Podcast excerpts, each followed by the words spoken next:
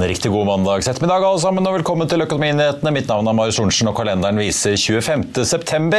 DNB er første storbank ute med renteøkninger, og det er eh, rett og slett bare surt rund baut på børsene i dag. Oljeprisen er noe ned, mens Nell får seg en smell etter en fersk Fearnley-analyse. Vi skal snakke om det, med, om det som skjer i markedet med Trygve Hegna, men først tenkte jeg bare å gå kjapt over overskriftene som preger dagen og gi deg noen nøkkeltall fra markedet. Hovedindeksen steg jo 0,3% på fredag og rundet dermed uken så vidt i minus 0,1 samlet sett, og vi gikk dermed fra å ligge over til å ligge under 1300 poeng. I dag så har vi fortsatt nedover. Ligger nå ned på 1282. Vi har stadig litt mer nedgang, i hvert fall siden jeg skrev manus for noen minutter siden ferdig. Nå ligger vi ned 1,3% altså.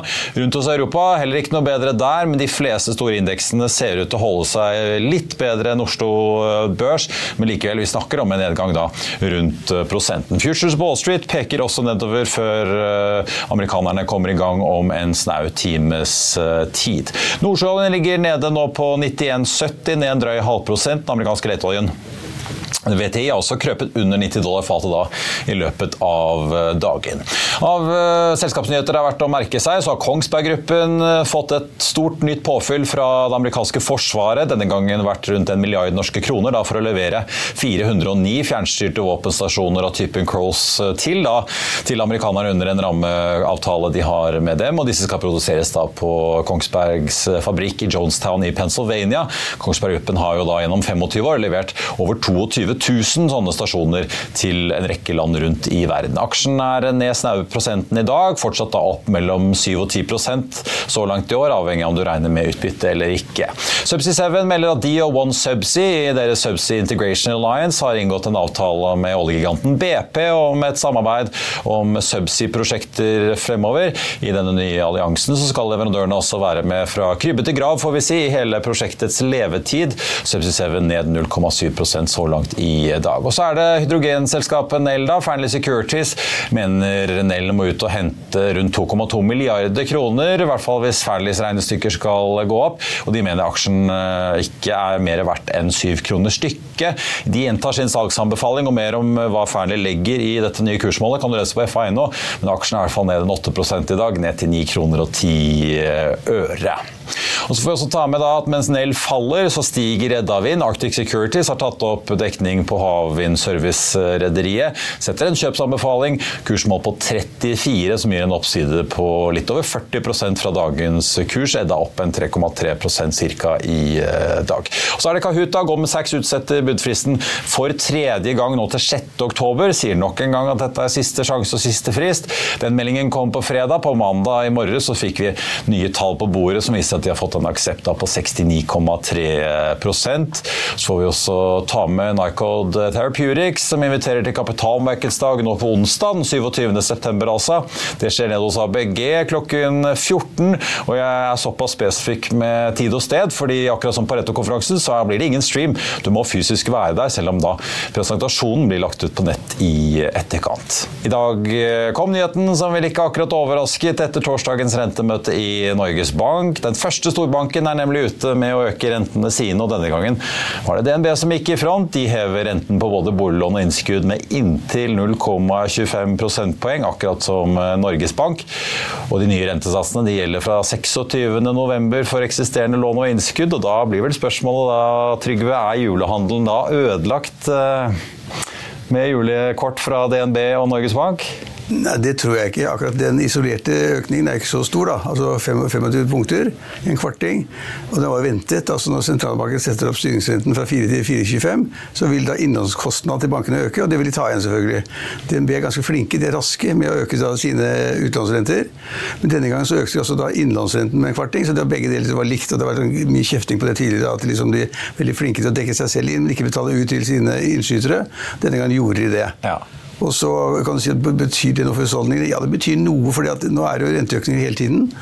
Og Det som på en måte kan slå mer ut enn det som har vært hittil, det er jo det at man får en renteøkning til i desember. Og Da vil da DNB øke rentene sine igjen, og kanskje også øke innskuddsrenten igjen. Det håper jeg. Jeg har noen penger der. Eh, men, men så utviklingen er, er ikke slutt. altså Renteøkning kommer hele tiden. og Det er ikke sikkert at denne økningen i desember heller er nok, men det vi vet med rimelig grad av sikkerhet, er at renten vil ligge på det nivået da, la oss si vi kommer til desember da, på 4,50. Så vil styringsrenten ligge på 4,50 inn i 24, og kanskje ut hele 24. Og så vil kanskje, men bare kanskje, Norges Bank begynner å senke renten i 2025. Det er ganske lenge til. og I mellomtiden vil husholdningene ha mer, mindre penger å rutte med. og Bedriftene må betale mer penger for det de låner, og alle de som har boliglån, vil få da kanskje en rente på 6-7% Det er veldig mye mer enn det de har hatt for bare et år siden. Og det vil slå ganske kraftig ut i husholdningenes bruk av penger foran jul og julehandelen. Ja, jeg syns Norges Bank de bandt seg ganske til masten her på torsdag i formuleringene sine og varslet at de forventer en renteøkning til gitt det de vet i dag. Da må det jo komme noen ganske kraftige kontrasignaler i nøkkeltallene nå utover høsten da, for, for, at de skal gå vekk fra den planen om å øke i desember? Ja, men det kommer, det kommer ikke til å gå vekk fra, fordi at prisveksten i Norge ligger på 4,8% og vi skal ned på 2 Altså Det er et kjempelangt Og kjernen er over 6% Ja, altså, ja. altså det er en lang vei å gå. Og For å få da, eh, prisveksten ned på 2 og stabilt på 2 over lang tid, så må de øke renten ganske kraftig eller gjøre andre tiltak altså da, i finanspolitikken, og det tror jeg ikke regjeringen vil gjøre. Så renten skal opp, og den kommer til å være høy, og den kommer til å være mye høyere enn folk har trodd. Og veldig mange nå er jo veldig, liksom, da går og klager i pressen andre steder over at liksom, rente, boligrenten, er, boligrenten, er, blitt så høy. Og det er overrasket, og de liksom må begynne å tenke annerledes og spare kanskje mer, spare på andre utgifter for å dekke renten osv. Men dette har vært en opplagt historie i lang, lang tid, og folk har lurt seg selv. Og da får man en liten sur svie etterpå. Ja. Vi så Federal Reserve eh, tok også bort noen av de ventede rentekuttene i deres eh, prognose. De har jo sånn dot charts med prognoser for hva komiteen tror. Der ble jo i realiteten to av de rentekuttene som lå inne, fjernet. Det betyr også higher for longer, litt som ja. du skriver i lederen din her om dagen òg. Ja, og poenget er jo det at i USA så hevet de ikke renten denne gangen, da. Men det var fordi at liksom, de ville bare si at liksom, ok, vi gjør ikke nå, men vi kommer til å ha rente liggende høyt ganske lenge. Og det blir ingen reduksjon i 2024 heller. Så det vi ser at i både i USA og hele Europa så er rentene høye. De kommer til å være høye ganske lenge. Og det slår jo ut i den økonomiske aktivitet. Men det er jo poenget. Altså, inflasjonen er for stor, prisveksten er for stor, da må man gjøre noe mer, og det, det gjør de også. Vet du hva en invertert rentekurve er, Marius? Ja. Den store resesjonsvarsellampen, er det ikke det vi nesten kan kalle det? Jo, det jeg syns det er ganske spennende. Det er, det er kanskje et ganske godt resesjonstegn, da. Uh, og Poenget er at i USA så har nå den lange renten, altså tiåringen som vi kaller det, den er oppe nå på ja, og 4,5 Og 4,3 eller hva det var. Jeg kan titte på jukseskjermen min her. 4,50 er vi faktisk på nå. Den var på 4,3 her i forrige uke. Ja. 4,5% Den korte er da på 5,1 eller 5,2 eller sånn nå. Og normalt så skal den lange være høyere enn den lave. For du vet, altså, hvis du, Den lange renten skal liksom ta høyde for det at du ikke vet hva som skjer om tre eller fire eller fem år. Det er usikkerhet, og den usikkerheten skal du ha betalt for. Og så er det da slik at Man regner med at hvis renten er høy, så betyr det stor økonomisk aktivitet. Hvis den lange renten er lav, så betyr det kanskje at aktiviteten er lav. Og det er ikke så bra. og Da sier man kanskje at da, hvis den lange renten blir lavere enn den korte, så er rentekurven invertert, og da kommer resesjonen. Det har vi nå snakket om i to år, det er ikke kommet, men akkurat nå så raser renten i USA oppover. Maybe at Det kan godt tenkes at vi kommer tilbake til en normal rente, men den er invertert fortsatt. Det tyder på en resesjon, kanskje. Vi så jo noe av den samme utviklingen i fjor høst, og da var det også plutselig veldig høye renter av de korte, da. Ja, av de korte. Ja. Men det, det, kan jo nesten være at rentemarkedet gjør jobben for Fed? Kanskje, kanskje. Men det skjer ganske mye. På egen hånd her? Man skal følge med på rentefronten. Ja. Og når den lange renten i USA nå er oppe i 4,5, så er det ganske mye. Og den korte er på 5,1. Og vi vet jo, Det blir jo spøkefullt sagt at Warren Buffett er ute hver mandag og kjøper amerikanske statspapirer, men han har jo, han har jo åpen innrømmet at eh, Berkshire Hathaway gjør jo, de kjøper jo mye amerikanske statspapirer. og hvis du får 4,5% garantert avkastning. Ok, så er prisveksten høy nå, da, men hvis den kommer litt ned, så er jo ikke 4,5% så gærent. Ja, det, er mange som går i obligasjonsmarkedet når rentene er som de er. da. Ja. Og de, og, men, så hele poenget i den seansen her nå, det er liksom, som du er inne på, det er at rentene kommer til å bli høye, og kundene må betale for det. Og de som har penger i, i banken, de får selvfølgelig høyere innskuddsrenter også. Det burde de få, det har vært veldig lavt veldig lenge. Men folk kommer til å betale for det høye rentenivået. Det kommer til å bli mye, ikke verre, da, men det kommer til å bli mye høyere enn folk da antatt eller trodd, og det vil folk merke. Så du kommer til å få litt færre julegaver og litt billigere julegaver i år, Marius. Men du, du som har penger på konto, du kan jo være raus med julegavene. Jeg kan være raus med det. vi, får se, vi får se hva som kommer.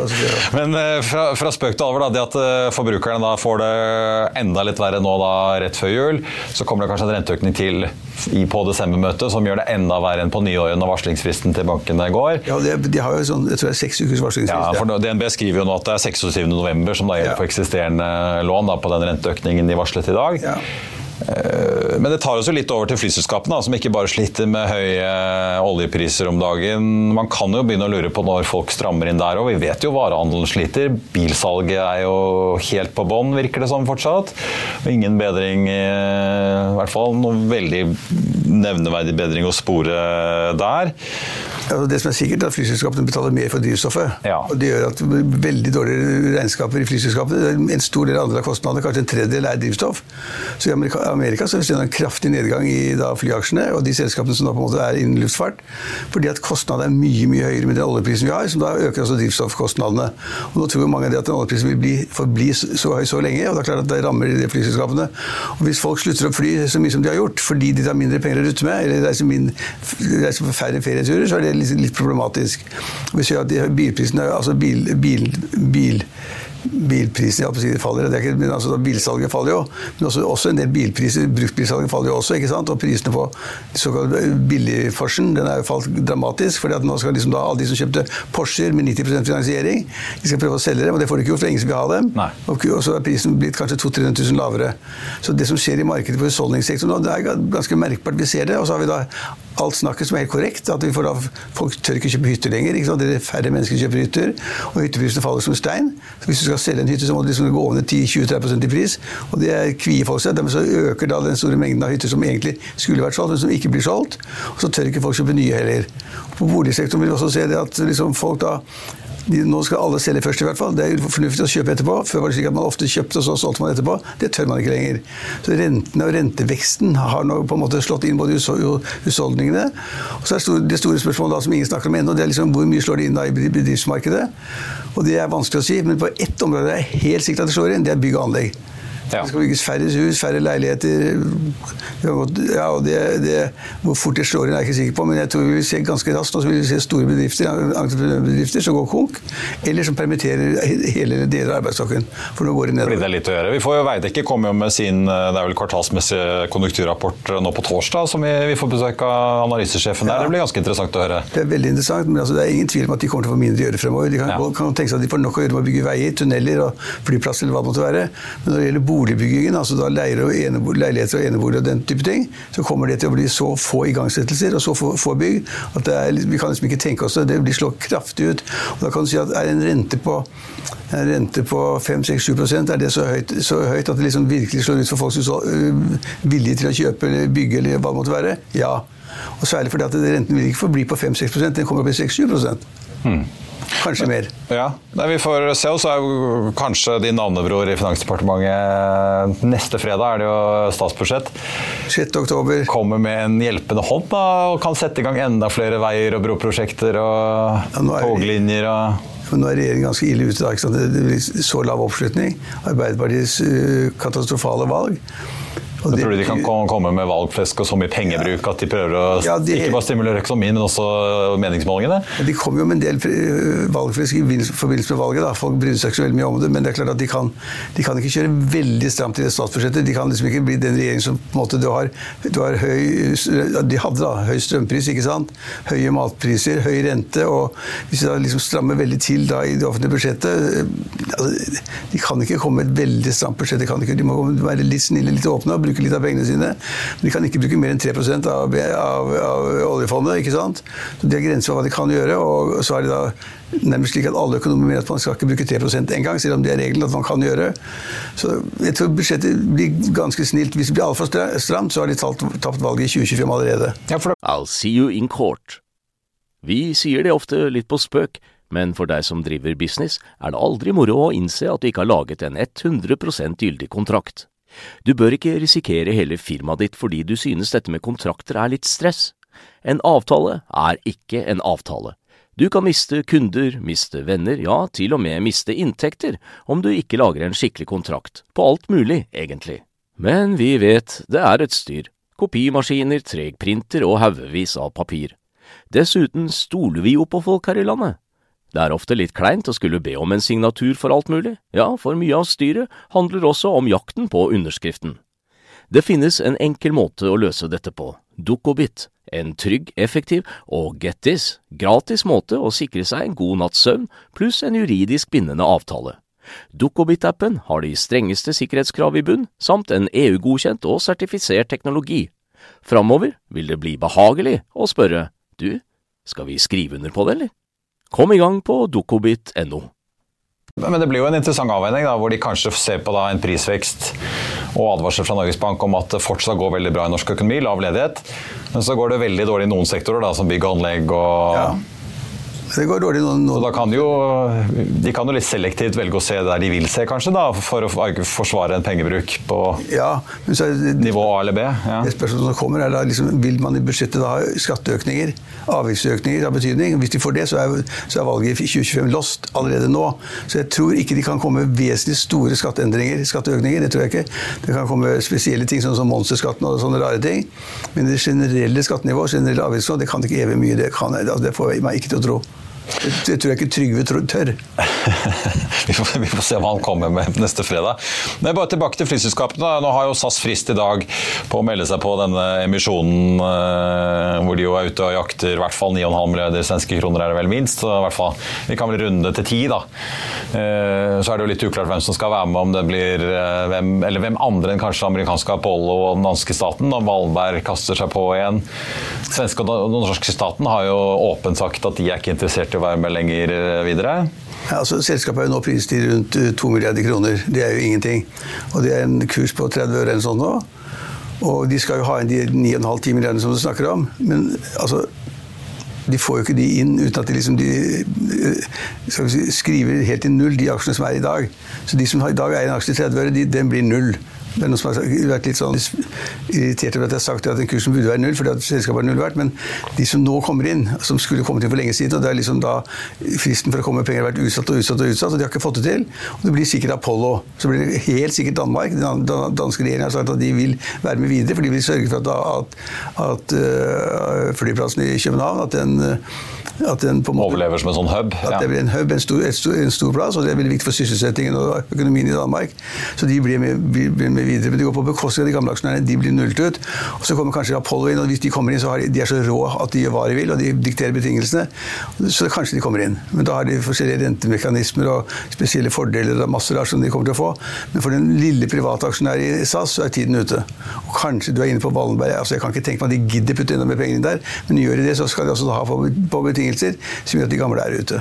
Men uh, hva med timingen her? Da, da vi snakket sammen før sending, så bemerket du at Norwegian er jo nå uh, under 9 kroner igjen aksjen, for ikke å si minst under 10 kroner aksjen. Ja, det er under 9 kroner, det er 8. Men Norwegian var jo ganske gode på timingen, da, bevisst eller ubevisst, med sin restrukturering. SAS gikk jo glipp av hele den koronabølgen. Det er veldig mange som klarte å få en restrukturering i luftfarten, ble kvitt veldig mye gjeld. Det klarte jo ikke SAS. De det surret jo ikke gjennom hele pandemien, og de betalte flyleie og, og, har jo da i ettertid havnet i en ganske vanskelig situasjon med masse gjeld og dårlige vilkår sammenlignet med mange av konkurrentene.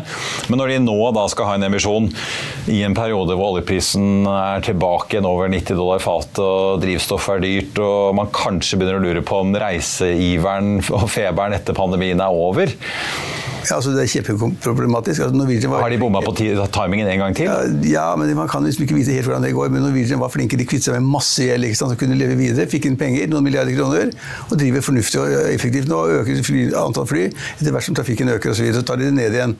SAS mista jo hele, hele greia. Det fikk ikke, ble ikke kvitt noe gjeld i det hele tatt. Jeg er ikke helt sikker, men jeg tror den gjelden er på 60 milliarder kroner. Så det er helt sjukt. Altså, det, det blir ikke kvitt noen ting. Og den må de gjøre om da til aksjer. ikke sant? Fordi De kan ikke bare skrive den. altså De som har de obligasjonene, de fordringene på SAS, de må liksom ha noe igjen for. det. De finner ikke hva som helst. Og Da får de aksjer istedenfor. Så liksom det blir milliarder av aksjer av gammel gjeld som aksjer. Og så skal de tegne nye aksjer. Og det vil si at Selskapet får, SAS får kanskje de pengene de trenger, men altså det blir på betingelser som man ikke kan tenke seg. Og, og øh, om da SAS får gjelden så mye ned at det kan konkurrere med Norwegian og Ryanair og alle de andre, det er jaggu ikke sikkert. Og den økningen i drivstoffprisene den kommer til å drepe mange av de små og mellomstore flyselskapene. Og det sier Ryanair rett ut. at liksom, hva, med SAS og Norwegian? De er bare tulleselskaper. Det er det jo ikke. Norwegian er blitt et ganske bra selskap. SAS har store problemer, for de har nå utsatt og utsatt og utsatt tiden hvor de skulle da få inn nye penger fra aksjonærer, og fra da eventuelt konverteringen fra gjeld til aksjer osv. De har ikke fått det til. Ledelsen snakker og snakker, og snakker, det har ikke fått det til. og derfor, Hvis altså oljeprisen stiger enda mer, og drivstoffkostnadene blir enda høyere, så får SAS et kjempeproblem. Det kan bli veldig interessant å se hvordan eierstrukturen ender opp. Jeg vil tro at det er noen i Bergen i Konkurransetilsynet som også følger denne prosessen i SAS veldig nøye, for de sitter jo og vurderer Norwegians oppkjøp av videre. Ja. Og Det er jo ganske avgjørende for konkurransen om SAS da overlever, eller eh, i hvert fall i hvilken form de overlever etter denne restruktureringen. Altså, Norwegian får videre, men det, skal, det, er liksom, det, er litt diskusjon, men de får videre. Mm. Vi får uh, følge med. Jeg merker i hvert fall Avinor ute med ukestall på trafikken som er, er per uke 38 nå. Hvis vi tar mot samme uke i fjor, da, Oslo er fortsatt 13% bak 2019-nivå. Bergen 6% bak, Værnes 10% og Sola 8 altså, reiser... Så det er ikke 2019-nivå ennå, altså? Nei, da, hvis man reiser og kommer til Gardermoen, så skjønner man ingenting. Det er, helt, det er ikke folk der i det hele tatt. Det er lange, åpne plasser, det er ikke kø noen steder, noen steder ikke butikker, ikke, ikke kiosker, noe som helst. Man, det er, det, altså, trafikken er mye lavere enn det var i 2019, som er liksom utgangspunktet her. som vi måler mot. Det er ikke rart Avinor eh, er ute og sier at regnestykkene for deres del går ikke rundt, eller går ikke opp, og de må øke avgiftene sine. Ja, De får ikke nok penger til å utvide, lage nye flyplasser, bedre flyplasser, så de må da øke avgiftene for flyselskapene, som igjen øker kostnadene for flyselskapene. Og Da er de sure og gærne, og så skal de ha møte med Avinor, så må liksom få Avinor til å ikke øke disse avgiftene. Men Avinor har et pålegg om å bygge nye flyplasser, og det må de gjøre. Er du enig med JP Morgan, da, som er ute i dag og sier at de tror oljeprisen kan gå til inntil 150 dollar?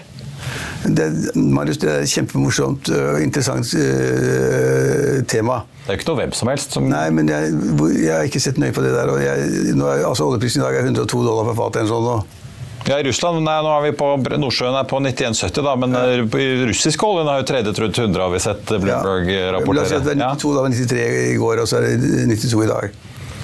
Hvis oljeprisen skulle gå i 150, eller 200 for den saks skyld, hva er det som skjer da? Ja, da går vi til jobb alle sammen. Det er nesten, det er, det er nesten ingen som flyr.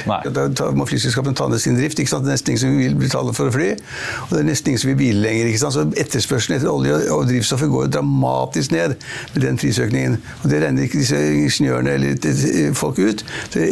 og når da etterspørselen synker dramatisk, så vil jo da på en måte også prisen falle tilbake igjen. Så du får, altså Verden er slik at med en oljepris på 150 dollar fatet, så vil etterspørselen gå dramatisk ned. og Det betyr at da kan man ikke holde den prisen. Ikke, det tror iallfall ikke jeg. Nei. Du, til slutt, eh, disse budene på Adevinta og eh, Kahoot. Nå er jo Kahoot forlenget nok en gang, den har vi visst om en stund. Men plutselig her i forrige uke så kom det melding om at Blackstone og Permira vurderer å komme med et bud. Det er jo ikke et formelt bud på bordet ennå på Adevinta, denne spin-offen fra Skipsted. Sendte jo Skipsted og Adevinta og alle sammen rett opp, selvfølgelig. Er det noe er det noen underliggende grunn sånn som du ser litt, at vi plutselig har en del av disse oppkjøpene fra utenlandske fond på Oslo Børs? Nei, jeg kan ikke si at jeg har noen sånn spesielt god kunnskap om det. Men jeg syns det er veldig rart, men det er nesten ulovlig at man går ut og sier at man har et bud uten å si hva det er. At man, liksom, man forhandler liksom på bakrommet, og det kommer kanskje et bud fra Blackstone eller hva det måtte være. Eh, eller andre selskaper uten at det med de tallene. Det lurer markedet litt. Så du så jo det at kursene både for altså begge, både Schibsted og Adevinta gikk rett i himmels, 20 og 10% uten at det var noe som helst tall. Bare i den troen at det skal komme et godt bud. Det er, det er ikke bra håndtering på, i forhold til børsen, så det er jeg veldig negativ til. Mm. Uh, det kan godt tenkes at det er tre-fire selskaper som står i kø. og Det kan godt tenkes at, at man offentliggjorde at man hadde samtaler med Blackstone og andre. skulle var på en måte en måte å lokke frem andre bud til en enda høyere kurs osv. Det er mange som mener at, man, at, eh, at Schibsted burde selge hele greia og bli ferdig med det og ta den gevinsten de har. Men å komme og si at, at vi forhandler med noen uten å komme med tallene, det er altfor dårlig. Ja. Men du, apropos han, du så, du så Nelly, du nevnte Nelly ja. da vi begynte, Nelly er ned 8-9 Jeg har aldri skjønt det. Hydrogen? Hydrogenselskapet. Jeg har aldri skjønt det. Om de da produserer hydrogen eller bensinstasjoner eller den elektrolyseteknikken eh, altså da, for å lage hydrogen, det er jeg ikke helt sikker på. Men det er jeg helt sikker på. De har aldri tjent penger. Store tall, aldri tjent penger. Jeg er ikke sikker på hva de skal gjøre. Hente penger om og om at i markedet, og det raser nedover igjen. Og nå kom da, var det DNB Markets Fearnley, de skriver jo, de anslår at produksjonskapasiteten av elektrolysører i 2023 vil være ti ganger høyere enn etterspørselen.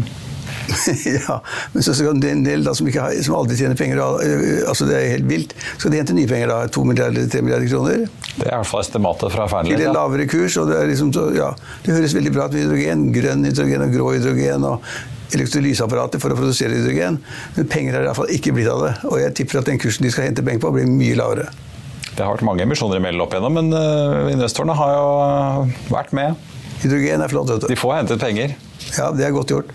Men eh, Det det koster å hente penger i dagens marked. i Så hvert de bygger enorme fabrikker i Amerika og andre steder hvor de får subsidier eller hva det måtte være. Så det er jo det er et, øh, det er et rart selskap. Det skjer ting i USA, i hvert fall. Det, vi får se hva Voldal og Coinel eh, gjør. Men i hvert fall Equinor fortalte jo det. Deres karbonfangstsatsing i USA kan bli like stor som norske, den, og takket være Inflation Reduction Act og subsidier. og Amerikanske skattebetalere skal betale penger til norske investorer. Det kan vi like. Det liker vi vel. Det blir i hvert fall butikk for oss nordmenn, så får amerikanerne ta vare på seg selv. Jeg antar du ikke er med i emisjonen på Morrow batterifabrikk i Arendal som hentet Nei, nei, 800 mill. her før helgen? Altså, ifølge, ifølge næringsministeren så er batteri fremtiden for Norge. Nysnø, Statens Nysnø var med og i kronerullingen, Ja, de. ja men de, er, og, og, og batterier er mye bedre enn både gass, og olje og, og solenergi. Hva som er det. Takk skal du ha, Trygve. På tappen av sendingen tenkte jeg bare å nevne hovedindeksen på Oslo Børs ned 1,25 prosent nå til 12,83, så det ser ut til at eh, det er en god vei opp igjen til 1300, som vi altså så i forrige uke. Med unntak av Hydro Skipsteds B-aksje og en svak oppgang i Kahoot, så er det rødt jevnt over på mest omsatt-listen i dag. Det er også rødt rundt oss i Europa, med en oljepris som vi var inne på, som ligger rett under 92 dollar fatet. I Finansavisen i morgen kan du lese Trygves leder om kriseforståelsen til Jonas Gahr Støre. Det blir børsintervju med Danske Banks analytiker Vidar Skogseth Lyngvær. Du kan lese om at det nå spås resesjon i Tyskland etter nye IFO-tall, og mye, mye mer. Og Det var det vi hadde for deg her i dag. Husk at vi er tilbake igjen med Børsmorgen 08.55 i morgen, da med investeringsøkonom Mats Johansen i Nordnett i gjestestolen. Og så blir det Økonominyhetene 14.30, da med solselskapet Nordsjøen, som er vel en av de få solselskapene igjen her i landet etter at Norwegian Crystals gikk konkurs i eh, sommer. I mellomtiden så får du som alltid siste nytt på fa.no. Mitt navn er Marius Lorentzen. Tusen takk for at du så eller hørte på, og så håper jeg vi ses igjen i morgen.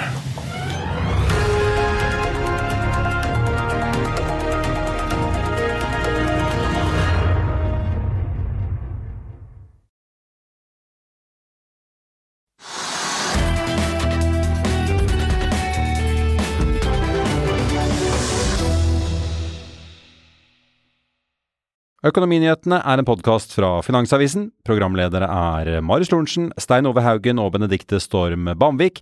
Produsenter er Lars Brenden Skram og Bashar Johar. Og ansvarlig redaktør er Trygve Hegnar.